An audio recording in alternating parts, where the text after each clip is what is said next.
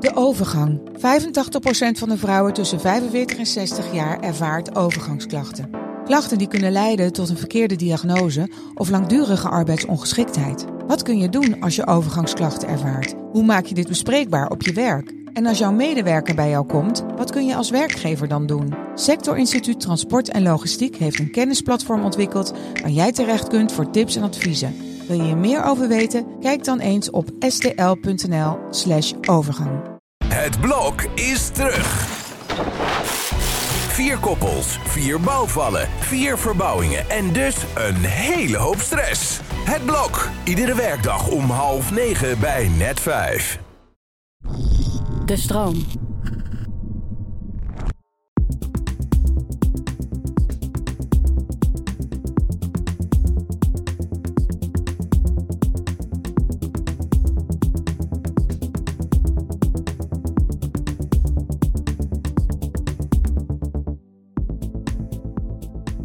Dat je luistert naar de Podcast Psycholoog.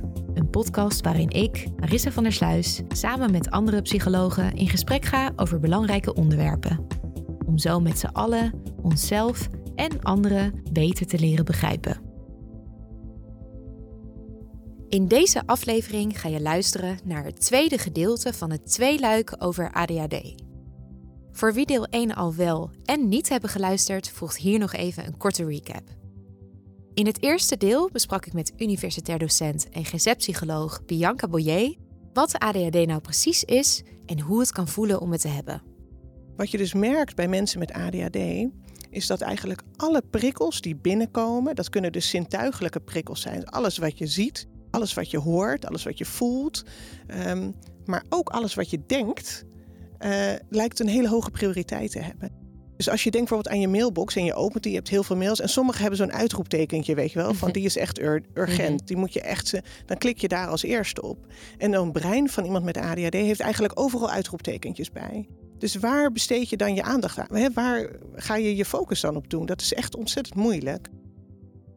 We legden uit hoe anders een ADHD-brein werkt ten opzichte van een zogenoemd neurotypisch brein Eigenlijk zou je kunnen zeggen, het brein van mensen met ADHD heeft een stuk meer moeite om gemotiveerd te raken.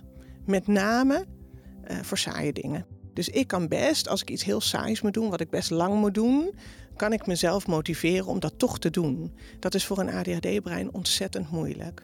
Maar dat betekent dus dat het heel moeilijk eigenlijk is om je eigen gedrag aan te sturen als je niet gemotiveerd bent. Tegelijkertijd kunnen mensen met ADHD ook hyperfocus hebben. Dus dat ze zich enorm op iets richten. Dus dan is het brein juist heel erg gemotiveerd, zou je kunnen zeggen.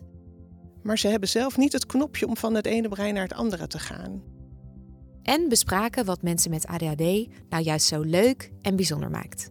Een van de dingen die ik heel leuk vind is dat mensen met ADHD een heel creatief uh, brein hebben. Um, juist denk ik omdat ze zo associatief zijn en hun gedachten alle kanten op gaan, belanden ze ook op plekken waar neurotypische mensen niet belanden.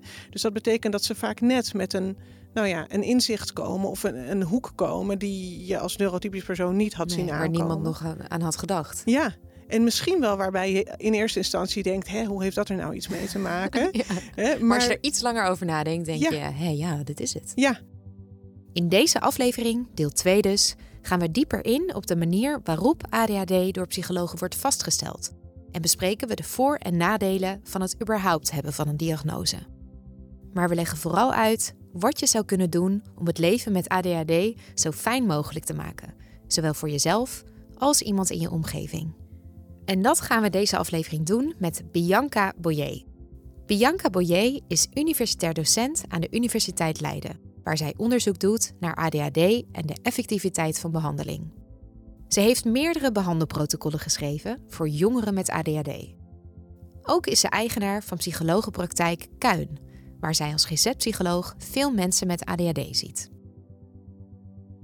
Ja, Bianca, in deel 1 van het tweeluik over ADHD hebben we al besproken wat het precies is, ehm, wat de onderliggende mechanismen zijn en vooral ook wat de gevolgen kunnen zijn van uh, eh, ADHD. Ehm, en om nou eens heel concreet te maken hoe iemand met ADHD last daarvan kan hebben in zijn dagelijks leven, zou ik in zijn doorsnee fictieve dag willen doorlopen, van opstaan tot naar bed gaan. Ja. Um, stel je voor, je staat op. Hoe zou dat er dan uit kunnen zien? Nou, wat ik, dan, dan uh, ga ik er even vanuit dat iemand te laat naar bed is gegaan.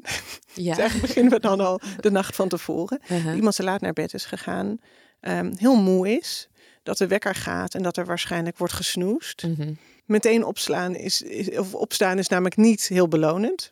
He, dus blijven liggen wel. Dus de kans is uh, groot dat, er no dat iemand blijft liggen dan kan het heel goed zijn dat iemand met ADHD um, drie of vier keer gaat snoezen, waardoor eigenlijk op het moment dat er ineens het besef komt, oh no, eigenlijk ben ik nu al te laat, dat vervolgens eigenlijk de rest van de ochtend gehaast wordt. Dan is er een hele goede kans dat er bijvoorbeeld een, uh, een telefoon wordt vergeten ja. uh, mee te nemen niet wordt ontbeten. Dus dan is er waarschijnlijk ook honger, uh, wat ook niet helpt voor de concentratie. Um, ik denk dat dan ook wel kan dat iemand dan toch eventjes nog uh, aan tafel zit en uh, wel koffie drinkt, bijvoorbeeld. Want dat helpt ook. Hè? Dan ben je ook weer even er, erbij met jou. Maar vervolgens de krant ziet liggen en denkt: Oh, dit is interessant. Wat zie ik daar nou staan? Belandt in het lezen van dat artikel. Terwijl er eigenlijk toch wel echt uh, vertrokken moet worden. dan ineens beseft: Oh no, nou ben ik weer hier beland. Uh, snel alles bij elkaar raapt, maar dus niet alles, omdat er van alles vergeten wordt, te laat weggaat, dan waarschijnlijk heel hard gaat fietsen om nog op tijd te komen, maar wel de hele tijd heel boos is op zichzelf, omdat je nu al dus weet dat je te laat bij die vergadering gaat komen. Dus um, een heleboel gedachten krijgt onderweg. Uh, waarschijnlijk gaan die gedachten ook alle kanten op. Maar uh, werkt dat ook al op je stemming? Omdat je eigenlijk nu al teleurgesteld bent in jezelf. Dat je nu al weet dat je weer te laat gaat komen. Dan kom je waarschijnlijk de vergadering binnengestormd. En uh, zeg je sorry, sorry, sorry, sorry. Dan ga je zitten en dan ga je proberen om eventjes diep adem te halen. Om toch de vergadering nog te volgen. Waarschijnlijk ga je dan een aantal grapjes maken. Om eigenlijk te verhullen dat je je niet prettig voelt over dat je te laat kwam. Dus je gaat proberen iets goed te maken, ook al zeg je niet hardop dat dat is wat je aan het doen bent. Misschien ben je er ook niet van bewust. Dan gaan mensen daar ook om lachen, want dat had ik nog niet gezegd, maar mensen met ADD hebben vaak een heel goed gevoel voor humor, ook door hun creativiteit. Ja, ja. En out of the box denken. Dus dan maak je een aantal grapjes, dan moet iedereen daarom lachen. Dan voel je weer even iets beter over jezelf. Dus dan kan je ook weer meedoen. Waarschijnlijk ga je dan ook een aantal hele goede dingen zeggen in die vergadering, die echt verder helpen. Um, nou, dan ga je weer best tevreden naar je werk toe. Dan zou het heel goed kunnen dat je misschien wel achter je laptop iets moet gaan doen. Dat je een belangrijke taak hebt die je moet doen. Maar dat je toch op je telefoon gaat kijken. Ziet dat er een appje is. Die gaat beantwoorden. Daar staat een linkje in. Dat je daarop klikt en dat je belandt. In een fuik. In een fuik. ja. in een fuik. Ja. Zonder op social media. Zonder dat je dat had bedacht. Precies. Voor jezelf. En uh, vervolgens denk je, oh no, ik moest deze taak doen. En dan ga je toch terug naar de taak. Maar die vind je eigenlijk toch wel zo saai dat je toch eerst een kopje koffie gaat halen. Nou, en zo ga je waarschijnlijk de dingen die je best oké vindt om te doen, misschien wel doen. Maar de dingen die je saai vindt, niet doen. Dus die blijven dan vaak liggen. Of die maak je niet helemaal af. Want dingen afmaken is ook iets wat moeilijk is. En dan um, waarschijnlijk ben je dan al helemaal op. Dan is al je energie is al op, denk ik. Ja, want dit kost heel veel energie allemaal. Dit kost allemaal ongelooflijk veel energie, want je wil het graag goed doen. Je wil daar ook graag je best voor doen. Ondertussen zijn er heel veel prikkels en allemaal mensen om je heen. Die zijn allemaal leuk. Daar heb je allemaal ontzettend gezellig contact mee. Ja. Um, maar ondertussen krijg je je werk niet af. En daar voel je je ook schuldig over. Want je denkt, hé, nou heb ik toch weer die taak niet afgekregen. Dan ben je waarschijnlijk helemaal opgegaan. Dan moet je nog terug naar huis. Waarschijnlijk moet je nog boodschappen doen, omdat je niet van tevoren had bedacht wat je vanavond ging eten en dat al in huis had gehaald. Dan ga je naar de supermarkt. En de supermarkt is ook zo'n geval apart. Ik weet niet of je wel eens in de supermarkt bent geweest in de spits. Uh, ja, best vaak. Ja, dat is best wel intens. Dan zijn er heel veel mensen heel, om je heen. Heel veel prikkels. Heel veel prikkels. Veel keuzes. En jouw emmer was al vol. Ja. Dus dat betekent ook dat je van iedereen die jou aanstoot, omdat ze om jou heen bij de augurken wilden, dat je daar geïrriteerd van raakt. Dus dat betekent ook dat misschien wel de emotieknop hier al omgaat mm -hmm. naar heel geïrriteerd zijn. En um, wat mij zelf nooit opvalt in de supermarkt, maar wat ik wel hoor van mensen met ADD, is dat er muziek aan staat. mij valt dat niet eens op. Maar mensen met ADHD horen dus ook nog daarachter een soort achtergrondmuziekje. Ja, het is altijd lelijk. Het is altijd lelijk. het blijft wel in je hoofd zitten. En dan heb je bijvoorbeeld mayonaise nodig. Oh, dan moet je dat ter plekke, zijn werkgeheugentaak. Hè? Moet je ter plekke gaan bedenken welke ingrediënten je nodig hebt voor datgene wat je wil eten. Dat moet je ook nog bedenken tussen al die prikkels. Dan heb je bijvoorbeeld mayonaise nodig. Dan ga je naar het mayonaiseschap en dan staan er 50. En dan moet je kiezen, terwijl je helemaal overprikkeld bent. En inmiddels uit je doen. Nou, en dan ga je waarschijnlijk naar huis. Vergeet je iets wat essentieel was voor jouw gerecht. Dan eet je maar je pasta zonder de saus, bij wijze van spreken. Mhm. Ja. ik chargeer nu. Ja, hè, maar ja, dit is maar gewoon is zodat mensen zien, teleurstellend geheel. ja, dat mensen zien hoe frustrerend en vermoeiend het geheel is. Ja. Ja. Waarschijnlijk heb je het dan vervolgens heus gezellig met je partner of je kinderen. Want nou ja, je bent, je bent ook gewoon een leuk iemand. Ja, er zitten natuurlijk ook heel veel leuke kanten aan, maar dit is wel echt de downside. Dit is de downside. Ja, dit En is dan wel echt even een overdreven vervelende dag. Nou, voor, iemand, voor een neurotypisch iemand is dit denk ik wat je misschien een slechte dag zou Ja, noemen. precies. Maar voor mensen met ADHD kan dit heel goed een gewone dag zijn. En dan moet je ontzettend goed jezelf kunnen reguleren en controle hebben over je gedrag en je gedachten, om jezelf daar de hele tijd uit te halen. Dus dan denk je, tijd, oh, dit valt weer tegen. Oké, nou kom op, hè? gewoon door. Je doet je best, je bent een aardig leuk iemand, dus we gaan door. Hè? En je bent de hele tijd dingen Ja, aan het er moet repareren. continu bijkomen van teleurstellingen. Ja, en repareren, waar, wat is misgegaan. Ja, dat kost heel veel. Nou, en waarschijnlijk ben je dan ongelooflijk moe. En dan ga je naar bed en dan krijg je dus ineens toch nog energie. Mhm. En dan denk je, oh no, ik ben helemaal vergeten nou, om iets te doen. En dan ga je dat nog doen, terwijl eigenlijk je naar bed zou moeten gaan. En dan zou het ook nog kunnen dat je in allerlei, op allemaal social media belandt terwijl je in bed ligt, omdat dat leuker is dan wachten op in slaap vallen. Vaak zie je dat wachten heel frustrerend is en saai.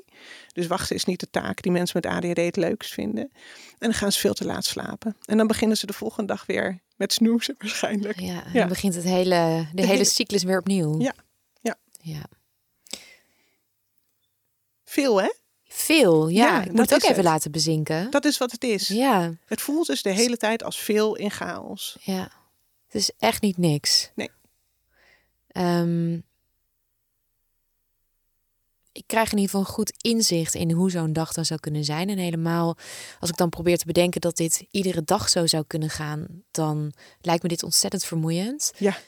Ja, dus ehm, als je dan zo'n dag beschrijft, dan snap ik ook dat mensen met ADHD graag die diagnose willen krijgen, zodat ze ook die erkenning kunnen krijgen voor hoe erg zij dagelijks tegen de stroom in moeten zwemmen. Ehm, ja, en kan je misschien wat vertellen over hoe zo'n diagnose wordt vastgesteld? Ja, ja die diagnose die, ehm, wordt vaak door een psycholoog gesteld. Eh, psychiaters kunnen die diagnose ook stellen. Eh, maar vaker eh, belanden mensen met ADHD in eerste instantie bij een psycholoog daarvoor. Verwijst de huisarts je naar een psycholoog. Ehm, die psycholoog houdt de DSM aan. Ja, en de DSM is het boek van de psycholoog, hè, waarin alle kenmerken van de ADHD staan. Ja, en van alle stoornissen. Is een enorm dik boek. Alle stoornissen, alle kenmerken staan erin. Mhm. En dat is het uitgangspunt bij het stellen van de diagnose.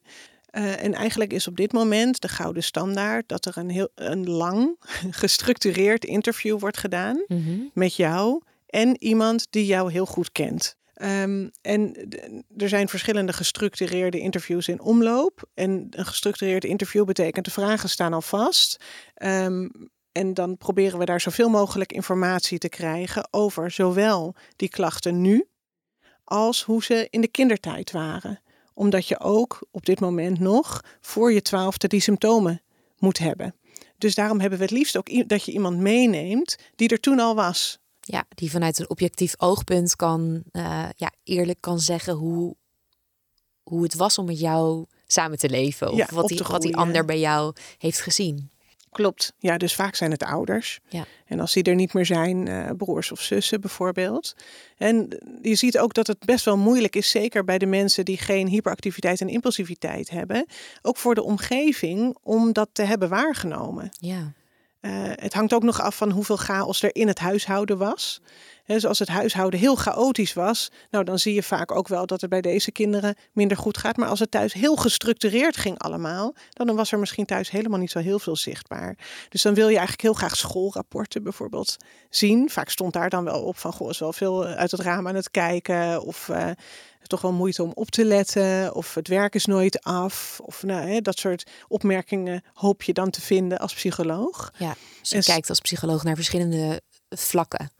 Ja, ja, dus eigenlijk ga je die hele DSM uitvragen. Uh, zowel vroeger als nu. Dus je moet van allebei, uh, ga, wil je van alles weten. Um, je wil ook weten hoe het is met op, al, op alle verschillende domeinen in het leven. Van uh, hoe ging het op school, hoe ging het sociaal, hoe gaat het in de liefde, op werk, um, met financiën, met je zelfbeeld. Heb je kunnen compenseren voor die symptomen? Bijvoorbeeld doordat je heel slim bent of vindingsrijk bent geweest. dus daar ga, dat wordt allemaal meegenomen daarin.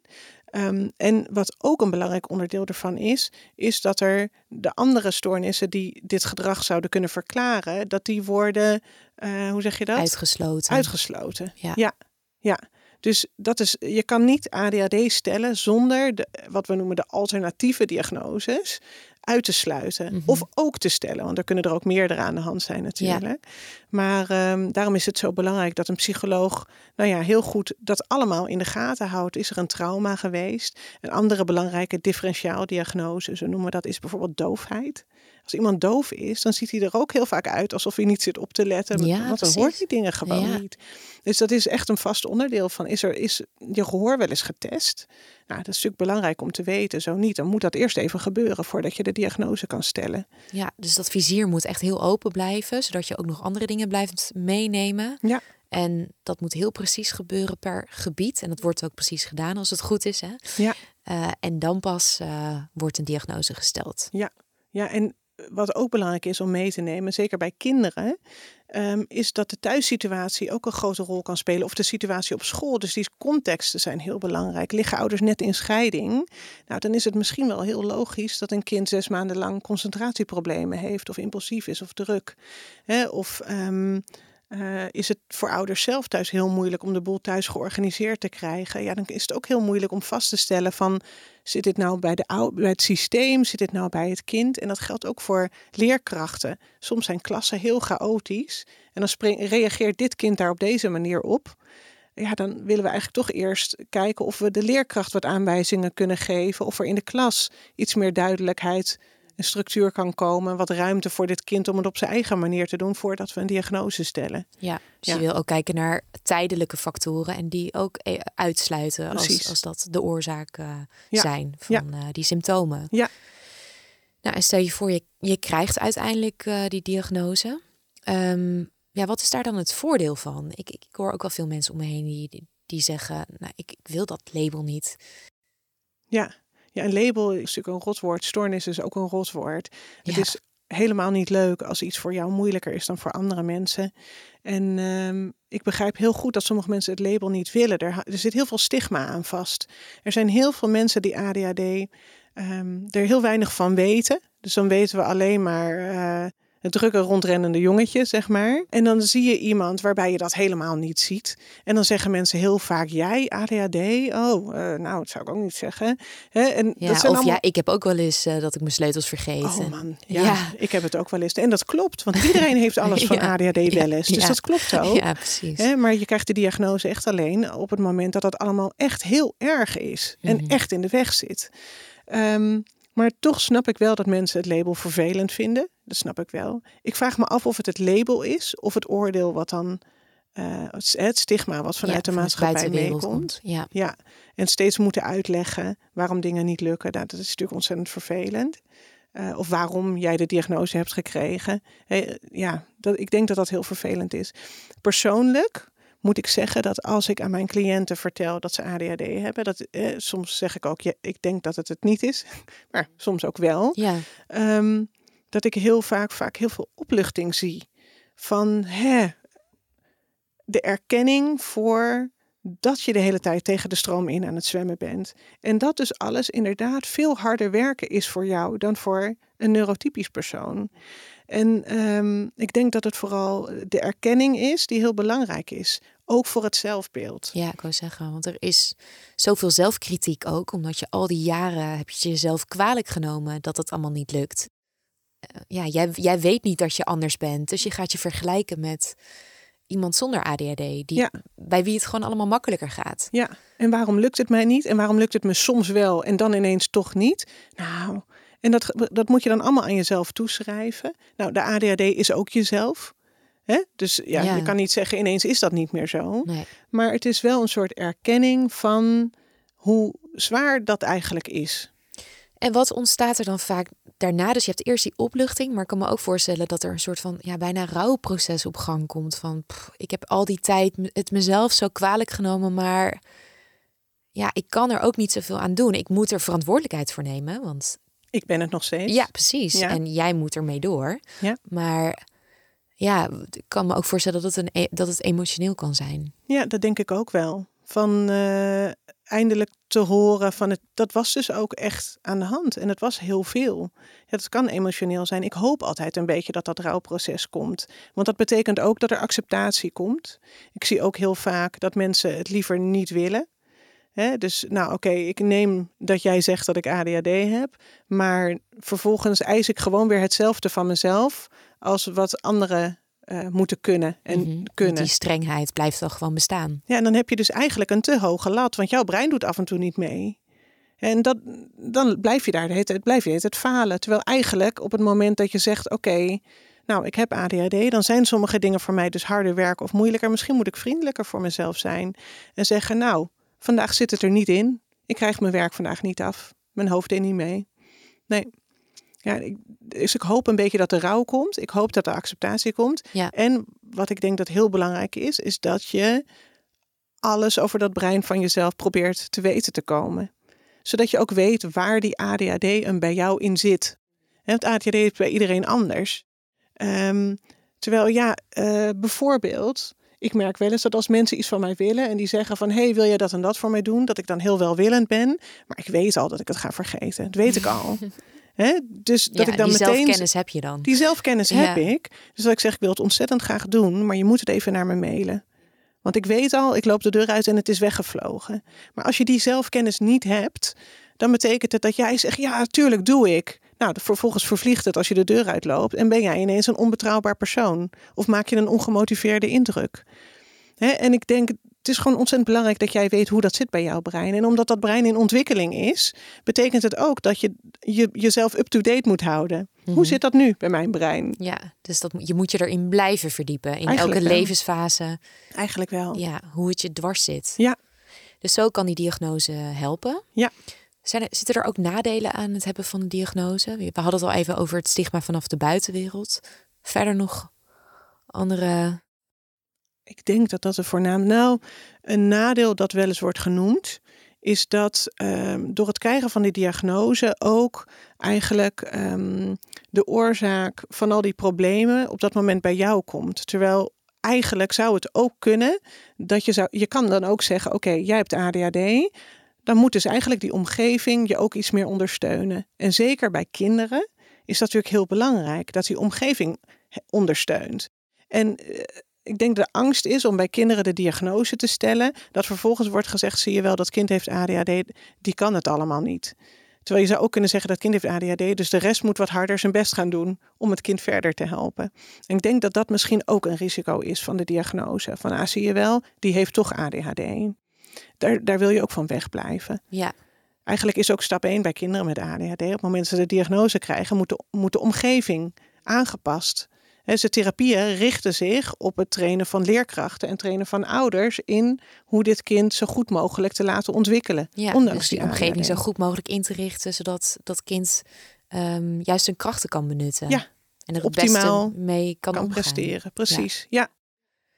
Eh, en de angst is dan ehm, dat, dat je niet helemaal meer meedoet als je de diagnose zou krijgen. Dat Ja. je niet helemaal voor vol wordt aangezien. Nee, de, de, de diagnose is door kindgericht. Dus het mens heeft de diagnose, niet het systeem of het, eh, de klas, zeg maar. Hè? Dus dat is, denk ik, dat, dat is denk ik wat een risico kan zijn.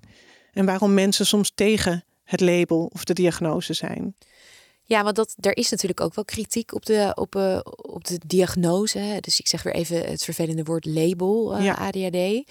Eh, er is ook een beweging die dan liever praat over gewoon een neurodivers brein eh, in plaats van een stoornis. Ehm, en er is ook een Vlaamse hoogleraar, Paul Verhagen, die heeft ADHD in het verleden eh, boerenbedrog genoemd. Ehm, wat is jouw mening hierover?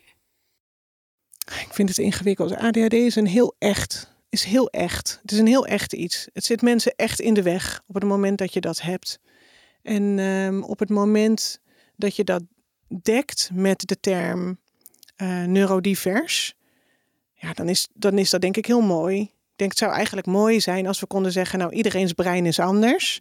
En we proberen met z'n allen met iedereen's brein rekening te houden. Dan zit iedereen dus op een soort continuum van neurotypisch naar neurodivers.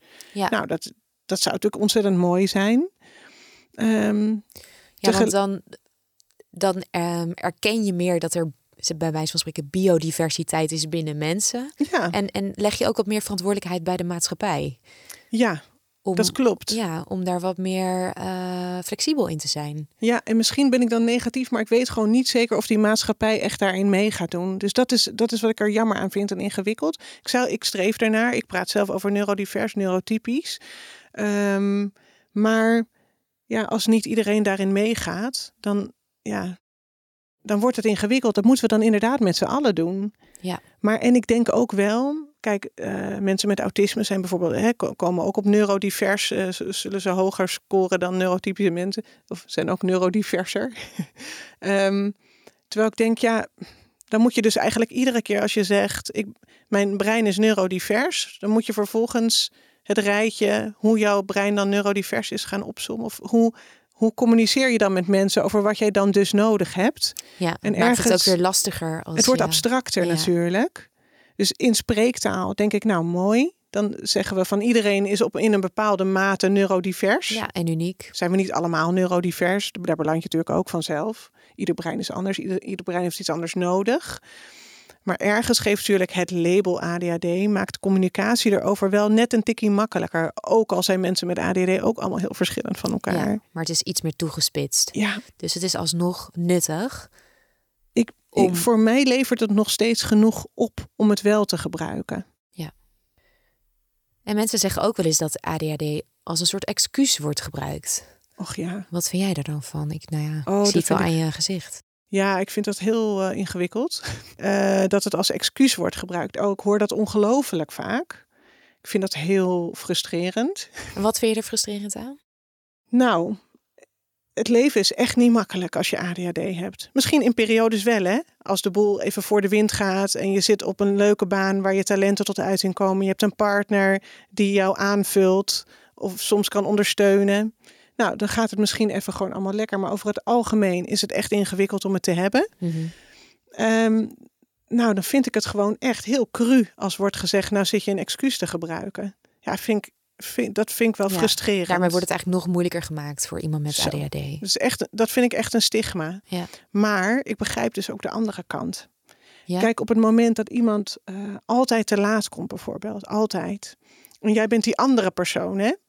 En je zit dus altijd op iemand te wachten. Nou ja, als je dus ergens zit en je bent op iemand aan het wachten en die komt een half uur te laat binnen. En die zegt dan, eh, ja, ja, ADHD, hè? Haha. En dat klopt ook. Ja. Hè? Dat hoort bij ADHD. Ehm, maar jij zat daar wel de hele tijd te wachten. En als je heel lang op iemand moet wachten, dan denk je heel snel, nou blijkbaar kan het jou niet zo heel veel schelen allemaal. Hè, of kan ik jou niet zo heel veel schelen? Dat is wat, wat een, een brein doet als hij nou, niet wordt gewaardeerd. Want zo voelt dat dan. En het lastige is dat als je altijd alleen maar zegt, ja haha ADHD hè, dan nou, mag dat er ook niet zijn. En dan denk je misschien als ander, ja, hallo, hallo eens even, ik ben hier ook. Ik vind het ook moeilijk om op tijd te komen. Of eh, ik heb ook dit en dat laten zitten, zodat ik hier wel was. Ja? En dus ik begrijp ook dat je dan gaat denken, het wordt als excuus gebruikt, terwijl dat feitelijk niet zo is, denk ik. Dat is wat ADHD is. Je komt dan vaak te laat. Dat hoort erbij. Ja. Klopt. maar het ontslaat je natuurlijk niet van de verantwoordelijkheid om, als je die zelfkennis hebt, om Ja. daar omhe- om een beetje omheen te werken. Om Ja. daar iets voor te verzinnen. Nou, en dat is dus ook precies, dat is dus heel moeilijk. Ja. Maar wat ik wel denk, is wat enorm zou helpen, is als het bespreekbaar is. Dus heel vaak hebben mensen met ADHD die te laat komen, voelen zich al de hele weg daar naartoe verschrikkelijk. Want die weten, ik doe het alweer. En de ander is belangrijk voor me. Ik weet dat dit ertoe doet. Ook voor mij. En dan kom ik nu toch weer te laat. Nou, die voelt zich dus al. Ik komt al met lood in de schoenen binnen. Nou, en dan maak je er maar een beetje een grapje van. Want dan nou, is het weer weg. Kunnen we beginnen aan ons gezellige avond. Of wat we ook gingen doen. Of ons werk. Of wat dan ook. Um, maar eigenlijk zou het misschien meer helpen om te zeggen: Sorry, nou ben ik weer te laat. Ik baal er echt van. Ik vind het zelf echt heel vervelend. Maar ik vind het heel moeilijk om op tijd te komen. Mhm. Maar ik wil wel graag dat jij weet. Ja. Ik heb echt mijn best gedaan. Ja, dus je laat zien wat er van binnen afspeelt. Ja. Ja. En de ander mag het van mij ook bespreekbaar maken. Maar het kan ook zijn dat dat heel, nou, heel pijnlijk is voor diegene met ADHD. Als wordt besproken, iedere keer als wij afspreken, kom jij een half uur later. Ik zit mhm. altijd op jou te wachten. Dat voelt heel vervelend.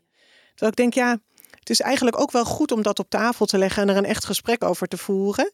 Maar ik hoop wel dat dat dan in een soort, nou, met vriendelijkheid kan. Ja, in een veilige setting. Ja, ja, we hadden het er net al even over dat uh, de gevolgen van uh, leven met symptomen van ADHD best wel uh, groot kunnen zijn op ja, verschillende gebieden eigenlijk. En mensen met ADHD kunnen daardoor ook bewust of onbewust copingmechanismen ontwikkelen. Dus dat zijn strategieën die we gebruiken om om te gaan met de symptomen van ADHD of de gevolgen. Um, wat zijn nou copingmechanismen die jij vaak ziet? Ja, dat kan ontzettend uiteenlopend zijn. Um, ik zit even te denken aan wat ik nou het meeste zie. Nou ja, bij meisjes is de perfectionistische coping er ene. Dat ze alles juist heel erg onder controle proberen te houden om maar niet in de chaos te belanden. Nou, dat is, dat is een manier om ermee om te gaan. Is het dan ook eigenlijk nog harder werken dan misschien nodig is om maar te zorgen dat je ja, ja niet onderpresteert. Ja, ja dat, dat klopt. Ik, een hele hoop mensen met ADHD zijn heel veel bezig met niet laten zien dat ze ADHD hebben. Dus mhm. ontzettend hun best doen om gewoon mee te draaien. Nou, wat natuurlijk ook te maskeren. Te maskeren. Dat is natuurlijk heel begrijpelijk. Iedereen wil gewoon meedraaien. Natuurlijk willen zij ook gewoon meedraaien. Ehm, maar dat kost ongelooflijk veel energie. Dus je ziet ook vaak dat mensen met ADHD heel vaak heel erg moe zijn daarvan. Het is ontzettend vermoeiend om de hele tijd eigenlijk veel harder je best te moeten doen dan alle andere mensen. In alle chaos te bewegen met al die prikkels. Dus dat is echt heel hard werken. Ehm, je ziet ook dat er mensen zijn die, uh, die uh, verslaafd raken.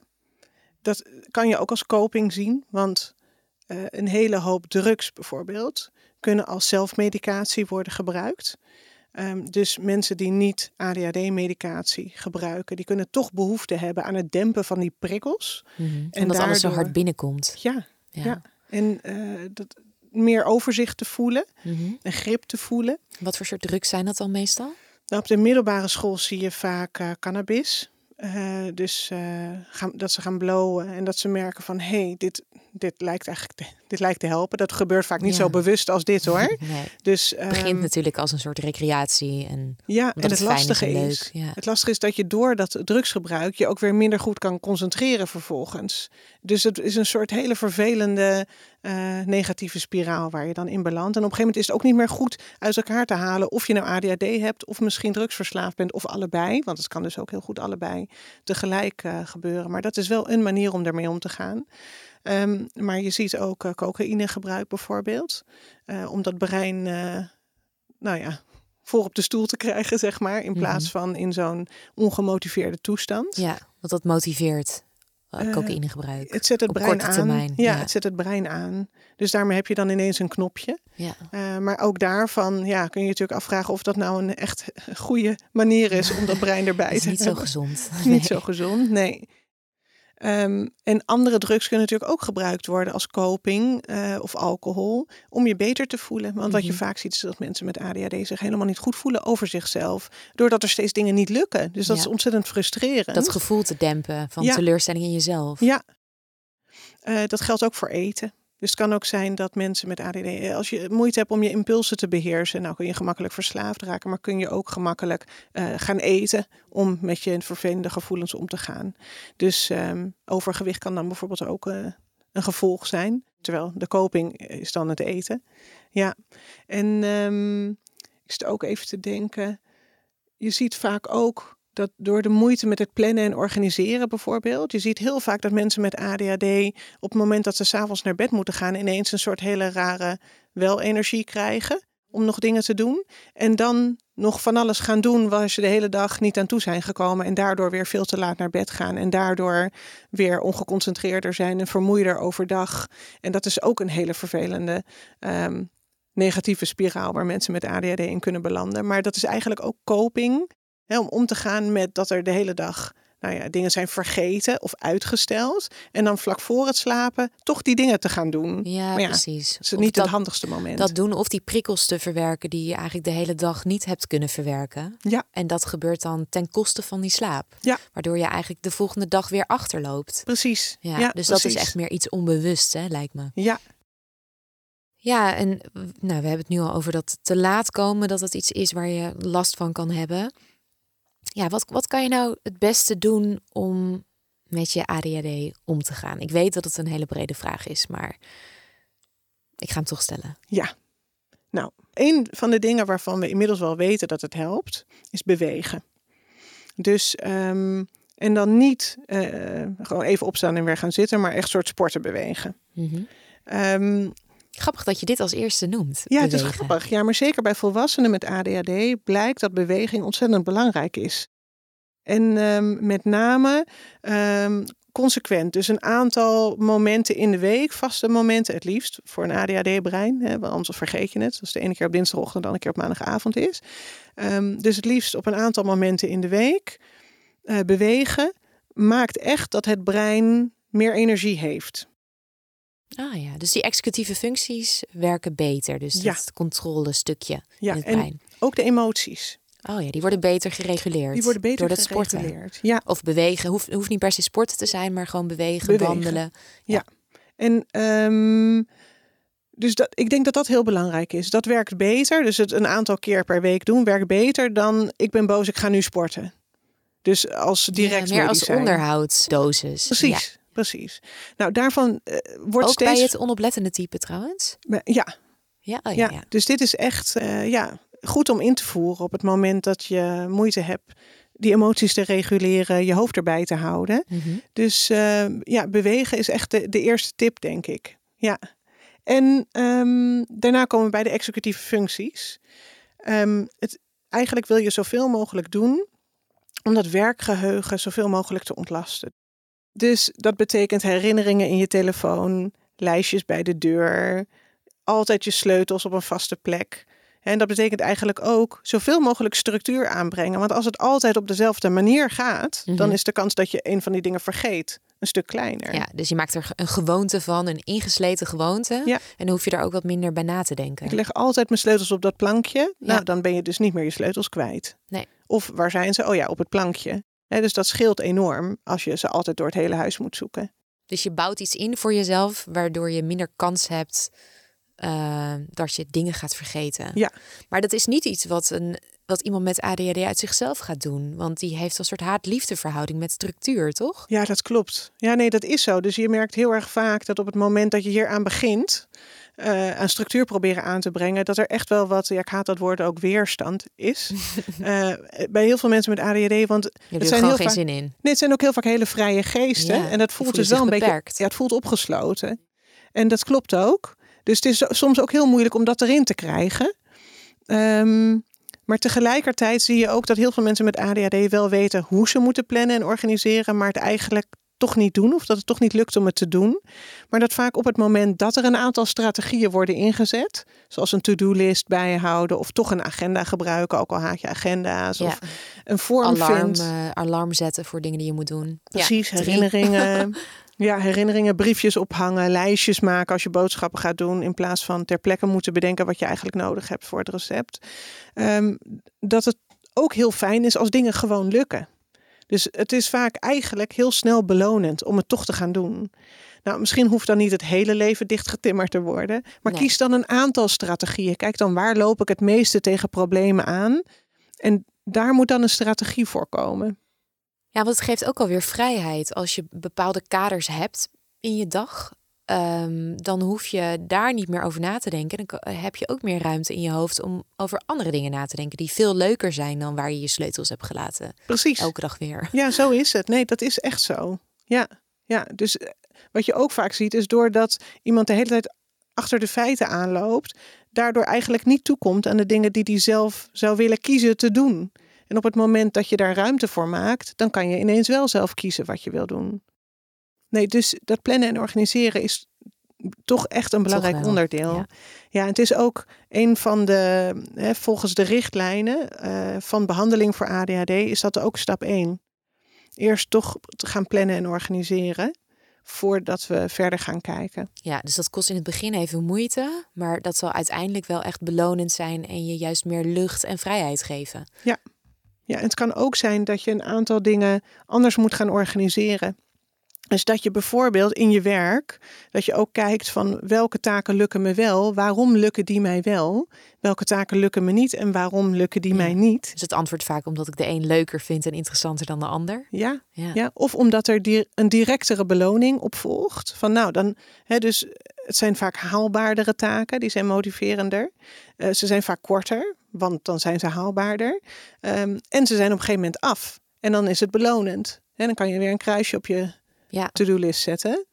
Nee, dus nou ja, als je dat eenmaal door hebt, dan kan je misschien ook eens met je baas gaan praten over nou, welke soort taken eigenlijk beter bij jouw talenten passen. Dus hoe iemand ook het beste van jou kan profiteren eigenlijk. Hè? Van mhm. jouw talent gebruik kan maken. Ja, precies. Daar heeft de werkgever ook weer baat bij. Nou, nof. Ja, het is ook wel leuk om na te denken van op welke tijdstippen werk ik nou het meest geconcentreerd hoe krijg ik mezelf goed aan het werk? Ik bedoel, we hadden het er even in de voorbereiding over. Uh, ik zei tegen jou, ik vind het dan fijn om voordat ik aan een lange saaie taak begin, om eerst even iets te gaan lezen wat ik leuk vind. Dan kom ik alvast even in die concentratie. Ja. En dan is het makkelijker om voor mij over te stappen naar nou ja, het schrijven van een boek waar ik op dit moment mee bezig ben. Dat is echt iets wat, waarvan de beloning inderdaad uh, vrij ver in de, in de toekomst ligt. Ja. En het kost me heel veel mentale energie. Uh, dus om dan meteen te beginnen met zo'n hele moeilijke taak, moet ik eerst even inkomen met iets leuks waar ik door geprikkeld word. Ja. En dan lukt het. Ja, zo is het. En zo'n hele grote taak kan ook opgedeeld worden in kleinere stappen, waardoor ze toch haalbaarder zijn en op een gegeven moment af zijn. En zo kun je best de dingen die je toch moet doen, mm reorganiseren. Ja. Um, dus het gaat er echt om dat je je leven zo inricht dat je het minst last hebt van je ADHD dus, uh, en dan juist van ADHD je kracht maakt. Um, en wat zouden mensen in de omgeving van iemand met ADHD kunnen doen om te ondersteunen? Dus ouders, vrienden, partner. Oeh ja, oh, dat vind ik, een, vind ik een moeilijke vraag. En um, ja, ik denk dat daar ook een verschil in zit tussen kinderen, uh, jongeren en volwassenen. Want ik denk, nou, bij kinderen met ADHD is er heel veel ondersteuning nodig van de omgeving want op het moment dat ouders helpen met de hele boel te structureren, dan kunnen kinderen beter zich ontwikkelen, beter leren. Dat geldt ook voor leerkrachten trouwens. Vandaar is echt de omgeving hard nodig. En op een gegeven moment, dan moet iemand zelfstandiger worden. En als volwassene, nou, zelfstandig. Van, dan, dan is het idee dat je, dat je het zelf doet. Ehm, en wat ik wat ik wel denk is dat het heel belangrijk is voor de omgeving om alles waar je advies of hulp bij wil geven, dat dat echt goed in overleg gebeurt.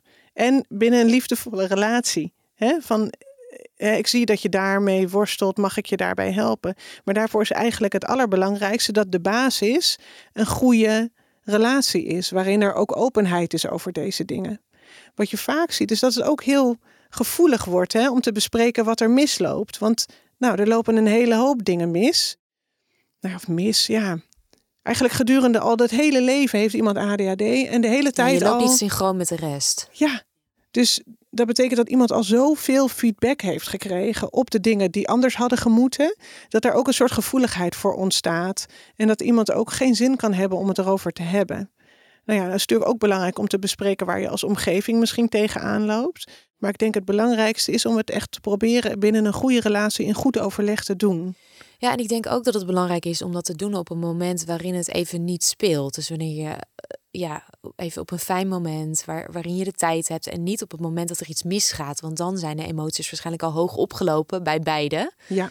Nou en Ehm, of. Dus om dat gesprek te hebben van, goh, wat, wat vind ik dan lastiger dan gemiddeld? En elkaar ook proberen uit te leggen van, oh, zo werkt dit bij mij. Ik vind het dan moeilijk voor te stellen dat jij dat niet in één keer gaat doen. Dat die, die vaat staat er toch?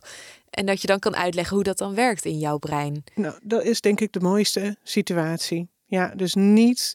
eh, ze zeggen wel eens ijzersmeden als het koud is. Hè, dat wil je hier. Van, Ja. Je wil dat op een leuk moment, op een gezellig moment, dat je kan zeggen: hey, mag ik even iets aan je voorleggen? Mhm. Ik merk dat ik af en toe hier tegenaan loop. Ik begrijp eigenlijk niet wat er dan bij jou gebeurt. Wil je dat eens aan me uitleggen? Want dan kan ik ook kijken hoe ik, hoe ik misschien me anders kan opstellen. Want een relatie komt van twee kanten. Dus het is ook niet zo dat de persoon met ADHD het dan allemaal maar anders moet doen. Eh, dan moet de partner of de familie of kan ook dingen anders doen. Ja, je kan jezelf zien als een team. Ja. Waarbij je allebei kan opereren op je sterktes. Dus de ene is misschien wel beter in die structuur. Die kan het dan wat meer overnemen. En de ander heeft weer, eh, ja, weer andere sterke kanten. Ja, mag ik je soms herinneren? Als die vaat er staat, want ik merk dat ik er helemaal kriegel van word. Als daar altijd vaat staat in mijn ooghoek. Hè, mag ik dan tegen jou zeggen, wil je het zo echt gaan doen? Ook al vind je dat dan super irritant. Of kunnen we een andere oplossing bedenken? Ja, afspraken maken dus Afspraken hierover. maken, ja. En eh, ik werk veel met eh, jongeren. Nou, die zijn natuurlijk heel gevoelig voor wat hun ouders tegen ze zeggen. Dus soms dan denk ik ook, ja, de toon van een ouder kan zo enorm veel verschil maken in hoeveel irritatie dat bij een, eh, bij een jongere oproept. Ehm, dus soms zeg ik ook wel eens van, eh, kunnen we anders afspreken dat de ouders het even appen? Wil je nu even de vaat gaan doen? Maar Ah, ik denk, ja. dan heb je in ieder geval niet dat ook nog die hele sociale, afwijzende blik of de, het oordeel of de Ja, irritatie. het blijft gewoon neutraal. Ja, gewoon de letters staan daar. Ja. En dan, nou, dan proberen we wel echt af te spreken dat iemand dat dan ook gaat doen. Of even antwoordt. ja, ja, hè? ja, ja. Maar eh, Normale omgangsvormen mogen blijven bestaan. precies, precies. Ja. Ja, Wat ja, een goeie, ja, goeie tip. maar het is dus echt samen eruit komen. Ja, Is dit ook wat je leert eh, in therapie? Ja, en ook ik denk dat om hulp vragen ook een hele belangrijke ehm, tip is. Eh, en niet per se van een psycholoog, dat mag hoor. Ik bedoel, eh, psychologen kunnen heel goed helpen bij ADHD, bij dit soort dingen. Eh, maar ik denk ook durven hulp vragen aan je omgeving of aan je leidinggevende. Hè, niet bang zijn om te zeggen, nou, ik merk dat er een aantal dingen zijn die voor mijn brein ingewikkelder zijn. Nou, je hoeft niet mijn brein te zeggen, je kan ook zeggen dat het voor jou ingewikkelder is. Ja, Eh, maar in feite is dat dan je brein. ja, ja. Ehm, hè, en ik merk dat, dat ik dit van jou nodig heb om dat te kunnen doen. Bijvoorbeeld iets wat motiverend werkt, zijn deadlines. Het is niet prettig om op een deadline te werken, maar ja, je gaat wel tenminste aan de slag. Dan is het niet zo dat je op een gegeven moment een enorme taak nog niet af hebt, maar dan heb je misschien een klein stukje van de taak nog niet af met de deadline. Of, Geef jou net even die push om, eh, om eraan te gaan werken. ja, dus ik denk wel dat het goed is om eh, ook je partner, ook je gezinsleden of je baas, eh, je vrienden om hulp te vragen. Van hè, ik, ga, ik weet nu al dat ik ga vergeten wanneer je jarig bent. Ik hoop dat je het me niet kwalijk neemt als dat zo is. Maar als je het me even laat weten, dan Ja. Ga ik een cadeautje kopen, want dat vind ik wel heel belangrijk. Het gaat dus ook een beetje om voorlichten, dus de ander voorlichten over hoe dingen bij jou werken. En dus ook om hulp te vragen om dingen net even anders, of bijna toestemming te vragen om dingen even anders te mogen doen. En hulp te vragen wanneer het even niet lukt. Ik denk dat dat heel mooi zou zijn, maar dan moet je dus wel eerst heel goed weten hoe het bij jou zit. Ja, Daarom denk ik, stap 1 is alles erover leren, alles, alles. Want dan kan je ook aan mensen uitleggen hoe dat bij jou werkt. Ja. En dat is voor iedereen anders met ADHD. Dat is voor iedereen anders. Ja. Ook zonder ADHD. En dan moeten we het toch ook nog even hebben over medicatie. Ja. Wat, hoe zit dat? Wanneer eh, begin je aan medicatie? Ja, dat is een goede vraag. Ehm, ik ben natuurlijk geen arts, dat is wel belangrijk om te zeggen. Maar ik weet er, ik werk natuurlijk heel veel met mensen met ADHD. Ehm, eigenlijk is over het algemeen stap 1 op het moment dat je ADHD hebt, is meer leren over ADHD, is psycho-educatie. Daar hoort bij acceptatie, ik heb het echt. Hè? Ja. Maar ook hoe zit dat dan bij mij? Wat is ADHD en hoe zit dat dan bij mij? En eh, dat is wat je doet voordat er medicatie in het spel komt. Maar vervolgens is het eigenlijk ook belangrijk om te kijken: zijn er dingen die we eerst kunnen doen voordat er met medicatie gestart wordt? Dus tenzij er echt hele ernstige ADHD is, dan zeg je vaak van we doen tegelijk therapie en medicatie. Maar eigenlijk is altijd eerst de stap: we beginnen met therapie. Namelijk, hoe organiseren we jouw leven? Maar ook als je inmiddels somber bent geworden van allerlei dingen die niet zijn gelukt, eh, depressiebehandeling. Of uh, als je heel erg faalangst hebt gekregen, heel erg bang om te falen, waardoor je niet meer aan dingen begint, eerst daaraan te werken. Of aan je zelfbeeld, dat je inmiddels dus hebt bedacht, ik ben dus helemaal niks waard. Zo eigenlijk je ADHD hebt en daardoor je te hoge eisen aan jezelf hebt gesteld. Uh, dan zijn dat ook allemaal dingen om eerst aan te werken. Voordat je aan de medicatie gaat. Voordat je begint met medicatie. Op het moment dat je begint met medicatie, dan um, is eigenlijk methylfenidaat de meest voorgeschreven vorm van uh, medicatie. En dat werkt bij ongeveer 70% van de mensen met ADHD. Dus er zijn ook mensen waarbij dat helemaal niet helpt. Um, vervolgens is het heel erg belangrijk dat de, de, arts die het aan jou voorschrijft, heel goed met jou gaat kijken welke dosis eigenlijk het beste voor jou is. Um, dat dus is nogal een zoekproces, hè? dat hoor ik vaak. Dat is echt een zoekproces. En dan is er ook nog tussen de soorten, methylfenidaat zijn allerlei merken, zijn er ook nog echt kleine verschilletjes die verschil kunnen maken voor jou, um, voor je concentratie, maar ook voor je stemming. Um, en er zitten natuurlijk ook bijwerkingen bij. Dus, uh, Zoals? Nou, je ziet vaak dat mensen hun eetlust uh, verliezen. Soms dat ze nog wat moeilijker in slaap kunnen komen. Um, op het moment dat de medicatie uitwerkt, want het is iets wat uh, kortwerkende methylfenidaat werkt ongeveer vier uur en een langwerkende ongeveer nou, acht tot tien uur. Uh, op een dag. Op het moment dat het uitwerkt, kunnen mensen zich heel vervelend gaan voelen. Dus een soort dip krijgen in hun stemming. Um, ook de symptomen komen ook van ADHD komen ook heel hard weer terug. Ja, want die medicatie. Als een mokerslag komen ze juist terug. Precies. Dus wat wel heel belangrijk is, is die medicatie helpt wel even in het moment, mm -hmm. maar het haalt niet de ADHD weg. Nee, het geneest het natuurlijk niet. Het geneest het niet. Nee, het onderdrukt de symptomen. Ja, en wat ik heel ingewikkeld eraan vind wel soms, is dat we doen alsof iemand met ADHD op het moment dat ze medicatie krijgen, dus gewoon weer alles kunnen wat iemand zonder ADHD kan. Terwijl dat klopt niet. Je hebt namelijk nog steeds ADHD. Die medicatie werkt ook uit. He, dus je bent helemaal niet dag en nacht hetzelfde als iemand zonder ADHD.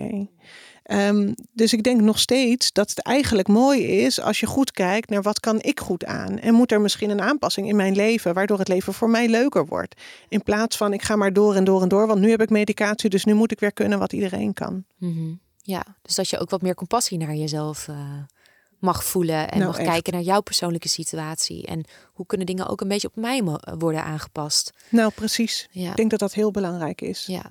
Ja. En medicatie werkt natuurlijk voor een heel aantal mensen wel heel goed. Ja. Uh, dus dat is ook ja, voor iedereen verschillend. En dat, gelukkig heeft iedereen ook daar zelf een keuze in. Ja, nou en of. Dat is heel belangrijk. Heb jij nog een praktische tip waarvan je hebt gezien dat het bij veel cliënten werkt? Hmm. Nou, ik denk, ik denk dat het belangrijkste is, maar dan val ik een beetje in herhaling. Zorg dat je weet hoe jouw brein werkt. En kies wat jij nodig hebt. Ja, maar stap 1 is echt je in jezelf verdiepen.